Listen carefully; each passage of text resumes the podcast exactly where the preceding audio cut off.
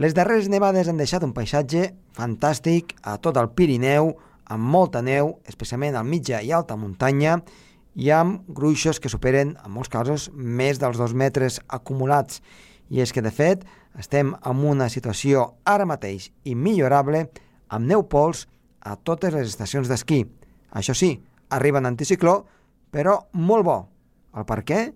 Resulta que serà un anticicló fred, amb temperatures sota zero. Comença el torn.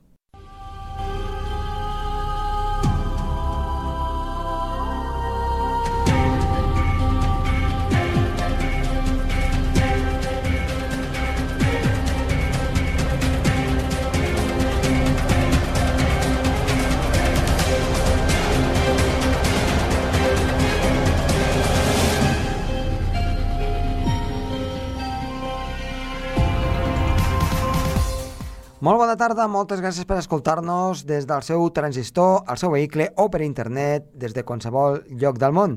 Avui parlarem amb Lluís Miquel Peret de com està sent l'hivern, doncs ens ha visitat uh, últimament i també uh, parlarem atenció, del clima i de la meteorologia d'altres planetes del sistema solar. Un tema molt interessant. Com sempre, l'aportació de Gerard Tauler a l'anècdota, a l'efemèride meteorològica. Parlarem d'onades de fred del passat, del 2002 i de l'any 1985. Tot amanit amb la previsió del temps. Som-hi!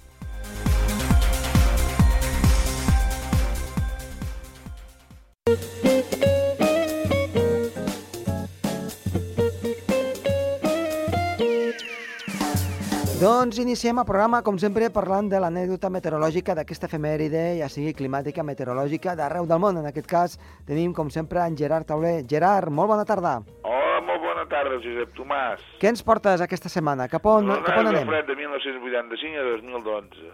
Per tant, eh, dos onades de fred que molts de nosaltres eh, recordem, la del 2012 molt propera, i la del 85 ja queda una mica més lluny, però, Sí, però sí. també a la memòria doncs, eh, hi és ben present. Digue'm, què, què va succeir en aquells anys? Doncs el dia do- 2 de gener del, del 85, un anticicló es va centrar sobre Escandinàvia, una borrasca damunt de d'Itàlia i entre els dos centres d'acció va començar a entrar vent del nord-est, vent de Sibèria. Uh -huh. i les temperatures van baixar. El dia, el, el dia 5 de gener, això de Reis, el, la, la cavalcada de Reis es va veure nevar a Barcelona, Uh -huh. que, que feia molts anys que no es veia la cavalcada, la, la Sota la nevada. neu. A Girona, en canvi, no va pas nevar.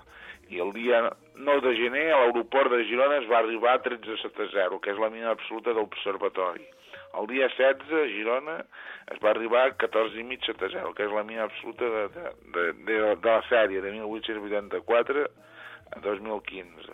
Uh -huh. I escolta'm, um, aquestes situacions, um, grans nevades van portar o va ser més aviat fred? Sí, van portar sobretot fred, Uh -huh.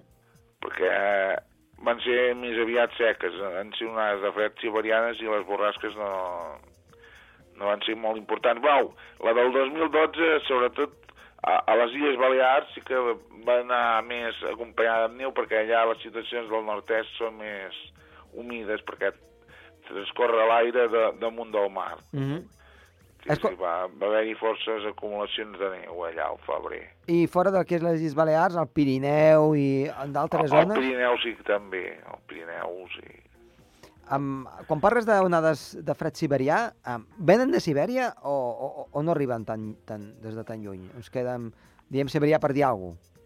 Sí, mol, mol, mol, molts de forers del temps de, diuen que són més aviat orelianes Sí.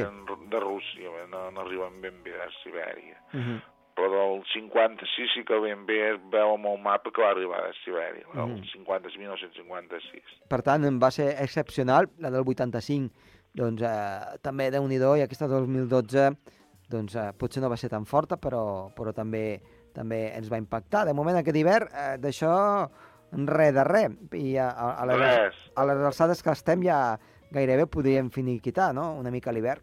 Sí, sí. Bueno, encara aquesta nit ha glaçat eh, aquí a Girona. S'ha arribat a 3 sota 0, observatori oficial de, de les Hortes de Sant Eugeni. Doncs, escolta, Gerard, moltes gràcies per aquest apunt meteorològic. Molt bé. I t'esperem la setmana vinent. Adéu-siau. Vinga, que vagi bé. Adéu, Josep Tomàs. Gràcies. Vinga.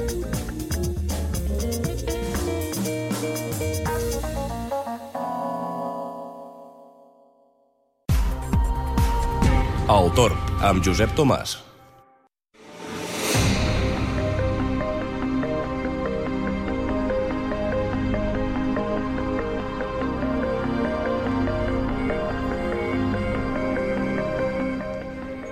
Música que sempre ens acompanya per l'entrevista i avui torna, com el fill pròdig, el nostre company amic, en Lluís Miquel Pérez. Lluís Miquel, benvingut. Bona tarda, senyor. Com va? Molt bé. Escolta'm, eh, et tenim aquí una mica segrestat. Sempre que, Sí, és, és, és una mena d'atracament, no? Sí, sí, sí. Sempre que vens aquí mm, no podem deixar que t'escapis sense que passis un moment o altre pel, pel programa Tor. I doncs va, anem a fer cinc cèntims de la situació actual, del que hem viscut fins ara, Mhm. i et proposo de que avui doncs, parlem doncs, eh, una miqueta de, del clima d'altres planetes i de la meteorologia d'altres planetes, que crec Mhm. que planetes coneguts, clar. eh, Sí, sí. Els que puguem, els Sí. que, dels que puguem parlar, que crec que és una cosa que és força interessant. Sí, no, dona a més a més molt de sí, eh? ja, ja t'avanço, que dona molt de sí, i en algun cas ens pot deixar una miqueta allò amb l'ai al cor, Mhm. de, mm, si algun dia s'acaba la vida a la Terra, podríem marxar a l'altre planeta. Ah, Exacte. Fem cinc cèntims del que està passant, que ha anat passant, Mhm. ha canviat una mica les coses, ha arribat una mica l'hivern, al final, Sí. tampoc, tampoc un hivern massa cru, Ha arribat tard, ha arribat arribat tard. massa tard. A veure, tot sigui dit, eh? Mm, no ens podem queixar de la quantitat de neu que tenim, almenys s'ha anat espavilant una miqueta l'atmosfera i el que hem anat dient també en d'altres connexions que hem fet i tu també doncs, cada setmana aquí al Torb hi ha hagut aquestes nevades tàctiques des del mes de novembre que en el cas del Principat d'Andorra no han portat una temporada de neu dolenta. no, no, i ara, al contrari. Mm, per això, molt bona. A més a més, eh, hi ha hagut molts anys que ja al mes de desembre teníem 3 metres de neu i amb 3 metres que se t'esllavissa, que tens allaus i que estan ventades, no pots obrir pistes. Tens massa neu per poder fer un bon negoci. Mhm. Enguany, doncs, ha arribat en el just moment i, sobretot, doncs, ara és quan s'ha espavilat una mica aquesta atmosfera. És, diem massa tard perquè, clar, lògicament ara és quan, doncs, eh, imagina que tota aquesta quantitat de neu i qualitat de neu l'haguéssim tingut al, al, al novembre. Mm. Doncs encara hauria estat millor la, la situació de neu. Ara bé, també tenim una cosa bona, és que tot i que s'hagi espavilat tard, com enguany la Setmana Santa és més aviat, doncs encara podem apurar força bé la temporada de cara a la Setmana Santa, que la tenim ja aquí a tocar. Després, més tard, lògicament, bàsicament perquè ja tanquem pistes per temes contractuals, però sembla que aquesta neu que ha anat caient sempre tard, doncs eh, també s'espavilarà en estar més temps. Potser ens podem plantar el mes de maig amb neu abundant, perquè a més a més no hi ha perspectives, si mirem els mapes estacionals, de grans pujades de temperatura fins ben entrada la primavera. Per tant, ha arribat tard, però igualment fins ara havíem tingut episodis de neu bastant, eh, bastant sucosos al nostre país. Mm -hmm. Per tant, una adaptació al que està succeint ara, que doncs, a cotes baixes no tenim massa neu, però sí que Mhm. tenim a, a cotes mitjanes i elevades, Sí, que és un, mhm. un, un cal en aquest cas pel, pel tema de, Mhm. purament de negoci. Eh? Sí, així és. En aquest cas, des del punt de vista natural, doncs també ha estat bé, o està bé, doncs que les coses hagin, hagin tornat al lloc, perquè sí que és veritat que el que no podíem tenir és les temperatures que vam tenir gran part del mes de gener uh -huh. i gran part del mes de febrer. Perquè això és com sempre hem dit, Josep, l'estadística és una ciència matemàtica que està per maquillar dades i moltes vegades està per ocultar el que és la realitat. Mm, malauradament moltes vegades hem de fer servir l'estadística també per moltes coses. Si no doncs no podíem fer de, determinats estudis, projectes o fins i tot doncs, a prendre decisions en el món econòmic, per exemple, o social. En aquest cas doncs hem tingut unes uh, nevades que han arribat sempre enmig d'aquestes calorades però ara que ha acabat el mes de febrer i ha entrat el mes de març, doncs les coses estan més fredes. Per tant, és bo també des del punt de vista natural, perquè el que deies, de punt de vista de negoci de neu, perfecte. De punt de vista natural també perquè les coses tornen al lloc. Ha de fer en cada moment el temps que toca. Uh -huh. I a més a més, des del punt de vista de la hidrologia és molt bo, perquè tenim ara una bona reserva d'aigua, que fins ara no la teníem gaire abundant, i que això sempre és bona notícia de cara doncs, a les mateixes pistes d'esquí i sobretot a boscos i aqüífers i rius i rierols del nostre país i de tota l'aigua que després, més al sud, doncs s'acaben bevent, o a l'altra banda de França. Uh -huh. S'acaben bevent o acaben aprofitant en forma de regadiu. Per tant, doncs sempre és molt bona notícia des del punt de vista natural. Ens anem cap a l'espai. Anem a parlar Pugem de... una mica més, eh? Pugem molt més amunt. Exacte. Pugem molt més amunt del Coma Pedrosa. Exacte, agafem, agafem la nau espacial, ens anem cap als planetes del sistema solar Sí. i si vols comencem doncs, una miqueta, doncs, eh, per exemple, Venus o, Mhm. o no sé, quin, de quin, par, quin planeta vols parlar Mira. una mica per, per dir com són el clima d'altres planetes? Ara mateix... Eh, Amb atmosfera, clar. Mira, gairebé, com aquell que diu, et faré de portaveu mm, o, a fa, o et transcriuré una, una de les conferències més atractives a les quals ja hi he pogut assistir, cicle de conferències en aquest cas, era una mena de taller d'astronomia, que es feia per part del Juan Carlos eh, Galindo. Et dic que Juan Carlos Galindo, que ell és astrofísic de la Universitat de Granada. Et dic aquest nom perquè amb aquesta conferència, en aquestes conferències, vaig aprendre molt del que és la climatologia, entre cometes, dels planetes del sistema solar. Sí que és veritat que ara mateix no tinc directament doncs, la, tota la ponència al davant, però sí que me'n recordo de moltes idees. Tu deies Venus, mira, hi ha alguns, pa hi ha alguns països, no, hi ha alguns planetes, sobretot satèl·lits de planetes, que s'assemblen entre cometes, bastant al clima que tenim a la, a la nostra Terra. I bàsicament, planetes on hi ha aigua. Aigua i no en un estat gasós o en un estat que està barrejat, imaginem, doncs, en lloc de ser H2O és H2O2, seria aigua oxigenada, per tant no apta per la vida. Hi ha núvols d'aigua en, alguns, eh, en, alguna, en alguns planetes, però no aigua líquida. Per tant, començaré per, per aquests eh, planetes, que bàsicament són satèl·lits de planetes. I concretament, m'està venint al cap EO i també Europa. I vaig molt directament a Europa. Europa, que seria un satèl·lit de Júpiter, si ara mateix no em falla la memòria, doncs és un, és un planeta bastant semblant al nostre i sobretot el que té és una amplitud tèrmica al llarg del dia que no és massa important. Clar, primer, què és això de l'amplitud tèrmica? Allò de la diferència de temperatura entre el dia i la nit. Què és el que passa a Mart? Que a Mart mm, de dia podem tenir temperatures de 100 graus i de nit de 150 graus sota zero. Clar, no hi ha atmosfera. Si no hi ha atmosfera, aquestes diferències de temperatura són brutals. No hi ha una capa d'efecte hivernacle, com tenim nosaltres. A col·lació, allò de l'efecte hivernacle que és tan necessari per la vida, no pas una cosa que ens està matant. Si no hi hagués efecte hivernacle, tu i jo aquí no estaríem parlant ara. Així de fàcil. Què és el que passa a Europa? Doncs que hi ha unes diferències entre el dia i la nit que no superen els 40 graus. Hi ha molts dies que a Lleida, un dia d'estiu o un dia de tardor, poden tenir 30 graus de diferència a les seves temperatures. Uh -huh. I sobretot llocs del desert on poden tenir 50 graus en un mateix dia. Per tant, què vol dir? Que es pot adaptar a la vida. Un. Dos. Que es podria adaptar a la nostra vida. Imaginem que no hi ha éssers allà, potser sí que n'hi ha i estan adaptats a la seva forma de vida. Des del punt de vista terrícola, eh, també quin és el tema? Que no hi ha gran amplitud i sobretot les temperatures no són de disbauxa. No arriben a 100 graus de dia ni arriben a 200 graus sota zero durant la nit, sinó que estem parlant que es mouen en la forquilla dels 50 graus sota zero, 50-60 graus positius. Dius, home, 50 graus sota zero, 60 graus positius, és el que passa a la Terra. Sí, sí, tant. Hi ha llocs de la Terra que arriben a 70 graus sota zero, que de fet ara en aquests dies els tenim, a la Sibèria. I al centre de l'Antàrtida, ara, 40 i pico, 50 graus sota zero. Però és que en el mateix moment, ara, de ben segur que en zones de l'Aràbia Saudita o en zones del desert del Gobi o del desert del Kalahari, sobretot del Kalahari, doncs eh, poden tenir ara mateix 50 graus o 55 graus a l'ombra. Per tant, són condicions bastant semblants. Quin, un, que és un, quin és un dels problemes que tenim en el cas d'Europa? Que fa molt de vent. Estem parlant que hi ha corrents d'aire molt importants en superfície.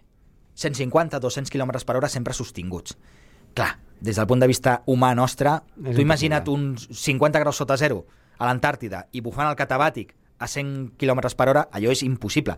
No ens anem a l'Antàrtida. Imagina un dia a 20 graus sota zero Port d'en Valira i el vent de torb o el torb bufant a 150 per hora com els tenim molts dies d'hivern. Uh -huh.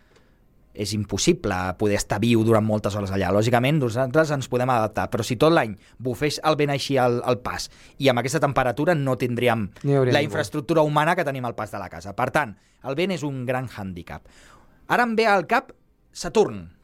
Saturn té núvols molt macos. Totes aquelles anelles que veus no són més que um, gran part de, de gasos i um, gasos que han condensat, però no han condensat en forma d'aigua, sinó que són més que gasos són partícules que estan orbitant al voltant del planeta, per això sempre els veiem aquestes formes d'anells, i hi ha núvols.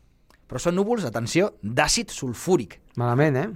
Clar, tu dius, home, jo vull anar a Saturn. Primer, tu no podràs aterrar a Saturn perquè és un planeta gasós, només té un nucli doncs que és més sòlid. O sigui, també això s'ha de percebre, que hi ha una sèrie de planetes que són terrestres, com Mart o Mercuri o la Terra, que si tu llences una... Imagina que nosaltres viatgem cap allà, tens un lloc on aterrar, però els planetes gasosos, doncs lògicament, doncs, per exemple, com Neptú, doncs nosaltres no podem allà aterrar, eh, hauríem d'anar al nucli, que és on està la part sòlida del planeta. Per tant, nosaltres ho veiem en forma de planeta i tothom té la percepció que són planetes rocosos, però no són així tots. Per tant, primer, que no és un planeta, si és un planeta gasós, per viure-hi allà no és possible. Per visitar-ho potser sí, perquè la Lluna també s'hi va anar i ens vam quedar en, moltes, en molts moments, o en teoria s'hi va anar a la Lluna, en molts moments en van, ens vam quedar allà uh, flotant, com si és el que Sí. podíem fer en aquests planetes gasosos. Però el Saturn què passa? Que té àcid sulfúric. No vull ni imaginar si només que cau una gota d'àcid sulfúric a fora de la pell, què poden ser ruixats d'àcid sulfúric. Venus, Venus. Venus es parla molt que podria ser habitable. A Venus hi ha un primer, un primer hàndicap, i és aquesta grandíssima diferència de temperatures entre el dia i la nit.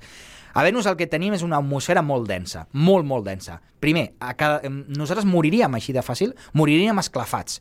Com a la pel·lícula aquella del Terminator a Mart, que es desfà les persones quan, o els éssers quan surten a la, al, Sí. al, d'aquella bombolla. Això Degut passa, a la baixa pressió. així passaria, això passaria a Venus. En aquest cas, a Venus hi ha indrets de, del planeta que tenen una pressió brutal. Mhm. És com si nosaltres ens fiquem a 500 metres sota l'aigua. Ens rebenten, si no anem... O sigui, si no fem una descompressió, els nostres pulmons rebenten, així de fàcil, per la mateixa pressió de l'aigua i de l'atmosfera, en aquell cas, també. Això és el que passa a Venus. Però és que lluny d'això, també a Venus hi ha dos elements que no ens poden fer mm, habitables, i per tant dos elements climàtics. Un, les diferències de temperatura són brutals, hi ha zones del planeta que està determinat que hi ha, en un mateix dia, diferències de 200 graus a les temperatures, això no és suportable per a un nivell humà, i una cosa important, hi ha núvols i precipitacions d'amoníac. O sigui, la climatologia, per dir-ho d'alguna manera, de Venus és que hi ha ruixats o més aviat hi ha el que es diu la virga, hi ha aquestes precipitacions que queden, queden, queden uh, suspeses a l'atmosfera d'amoníac. Clar, jo no em vull imaginar, potser Clar, el, allà al terra potser està molt net, Sí, sí, amb segur. tant d'amoníac. Li fiques una miqueta de, de, de perfum i ja tens allà Venus molt maco. Venus també és, és un planeta que el tenim com molt estilitzat, com molt bucòlic fins i tot de molt maco des del punt de vista astronòmic i des del punt de vista literari, però des del punt de vista real no és un planeta on s'hi pugui viure. Mart, Mart, doncs ja se n'ha parlat molt de Mart. Jo la meva opinió, la meva opinió, és que Mart va tenir vida, potser no intel·ligent, però sí vida natural, fa uns anys, no sabem si fa, jo crec que potser fa mil anys no, però potser fa un milió d'anys o 150 milions d'anys. La Terra a priori té ja gairebé 4.500 milions de vida- d'anys de vida. Per tant, a mi em fa la sensació que en el moment que es va formar la Terra es van formar diversos planetes del sistema solar i alguns van tenir la sort de formar-se la vida abans. Un d'ells, jo diria, que és Mart. D'aquí aquestes marques que queden al Terra que no les pot fer una altra cosa que no sigui o vent o aigua. O, o un líquid. O un líquid. Més que aigua, un líquid. Mm, els vestigis que s'estan enviant per part de les sondes i de tots aquests pathfinders que s'estan movent per allà, doncs ens denoten que per allà hi va córrer un líquid.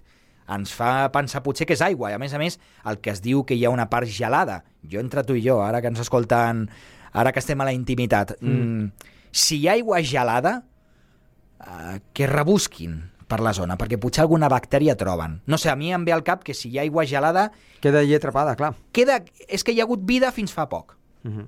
I la vida fa poc, a, a veure, aquí nosaltres està demostrat, si ara mateix hi hagués un cataclisme i tota la vida s'acabés, eh, potser quedaria aquí un espai erm completament, un desert, però la nostra vida anterior, les plantes, totes aquestes substàncies que té eh, el món, com el petroli, tot això queda per la posteritat. El petroli no és més que un vestigi del passat, d'unes plantes i d'uns animals que hi havia fa milions d'anys. Això quedarà de per vida, no sé que el planeta literalment rebenti. Llavors cadascú anirà amb un tros de roca vés a saber on, com passa amb els asteroids que passen per casa nostra o ens volten. Per tant, si nosaltres, tot i que s'acabés la vida, quedaria vestigi de que hi ha hagut vida i ho veurien d'aquí a uns milions d'anys uns altres, és el que penso de Mart. Ara per ara, a dia d'avui, sembla que Mart no s'hi pot viure. Per tant, aquestes, aquests projectes o gairebé realitats que diuen que es vol fer una colònia humana allà. Reformar, sí, sí, sí. doncs mira, eh, una bona forma de suïcidar-se. Sí, no? mm, maca, per què no, també? Des del punt, això és molt paliagut, no es pot parlar d'aquest tipus de coses així a la babalà, però sí que fent la conya, home, serviràs al... ja no serviràs a la pàtria, serviràs al teu planeta. Uh -huh. Però tothom sap que si te'n vas allà no hi ha forma possible de vida de poder renovar la vida, a no ser que doncs, la vida te l'emportis amb els aparells que portis d'aquí. Per Clar. això tindrà una, lògicament, una autonomia... Facis, facis una, una autonomia, base o... Així és. Exacte. O sigui, allà o trobes un mecanisme perquè l'aire d'allà, que és molt més livià que aquí, molt més lleuger, el puguis transformar en un aire que sigui respirable. Uh -huh. Respirable i, lògicament, que puguis conrear, que puguis fabricar aigua, em, això ara mateix a mi se'm, se'm presenta completament impossible, clar. Molt bé, eh, algun planeta més així eh, del nostre sistema solar? Doncs es, sí, es diu que Plutó, ara diuen que Plutó ja no és un planeta del sistema solar, que és un planeta rocós fora del sistema Mhm. solar. Eh, un, un, Plutó no deixa de ser un amic que ha estat sempre amb nosaltres i ara, doncs, no se li contempla com a tal. Plutó, eh, s'han fet estudis de Plutó en els quals hi ha molt de gel, hi ha molta aigua gelada, H2O gelada.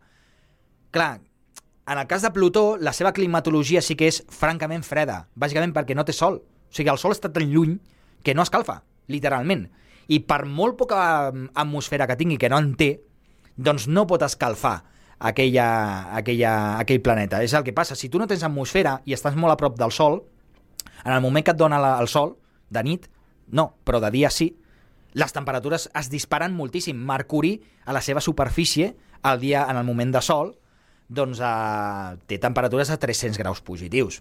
Lògicament, per què? Primer, perquè no té atmosfera que pugui filtrar la calor, com ens passa a nosaltres, i segon, perquè està més a prop del sol. I això és, és de... Vull dir, és, De calaix. és de calaix. Si tu estàs a prop d'un fanal, et cremaràs que no passi estàs a l'altra punta del carrer, mm -hmm. que gairebé ni veuràs. Doncs és el que li està passant a Plutó, està tan lluny que no veu la llum del sol.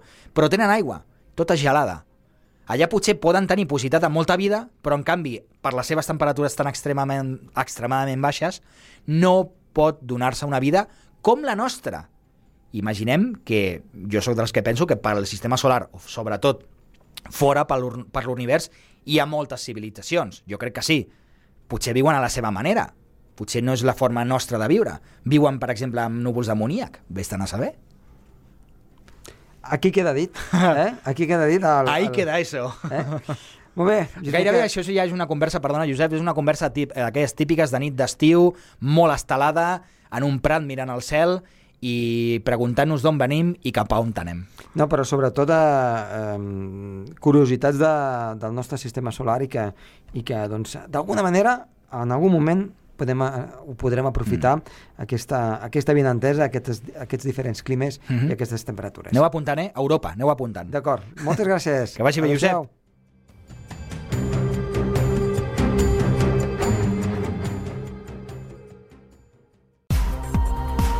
El torn amb Josep Tomàs.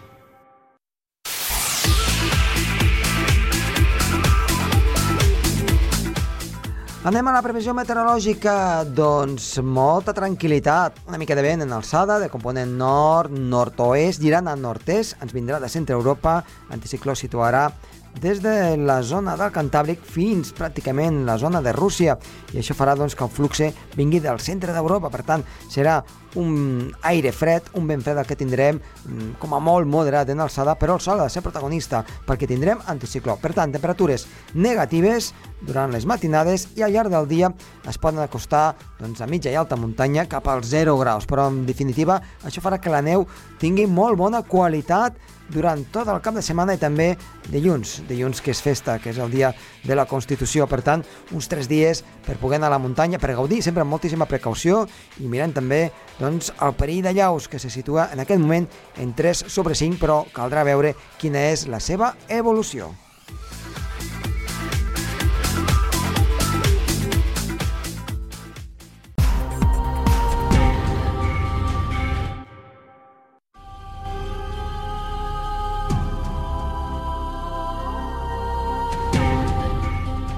Fins aquí el programa d'avui. Moltes gràcies per estar una vegada més doncs, escoltant-nos. Ha estat a les vies de so Andreu Trastoi i que us ha parlat molt de gust. Josep Tomàs, adeu-siau.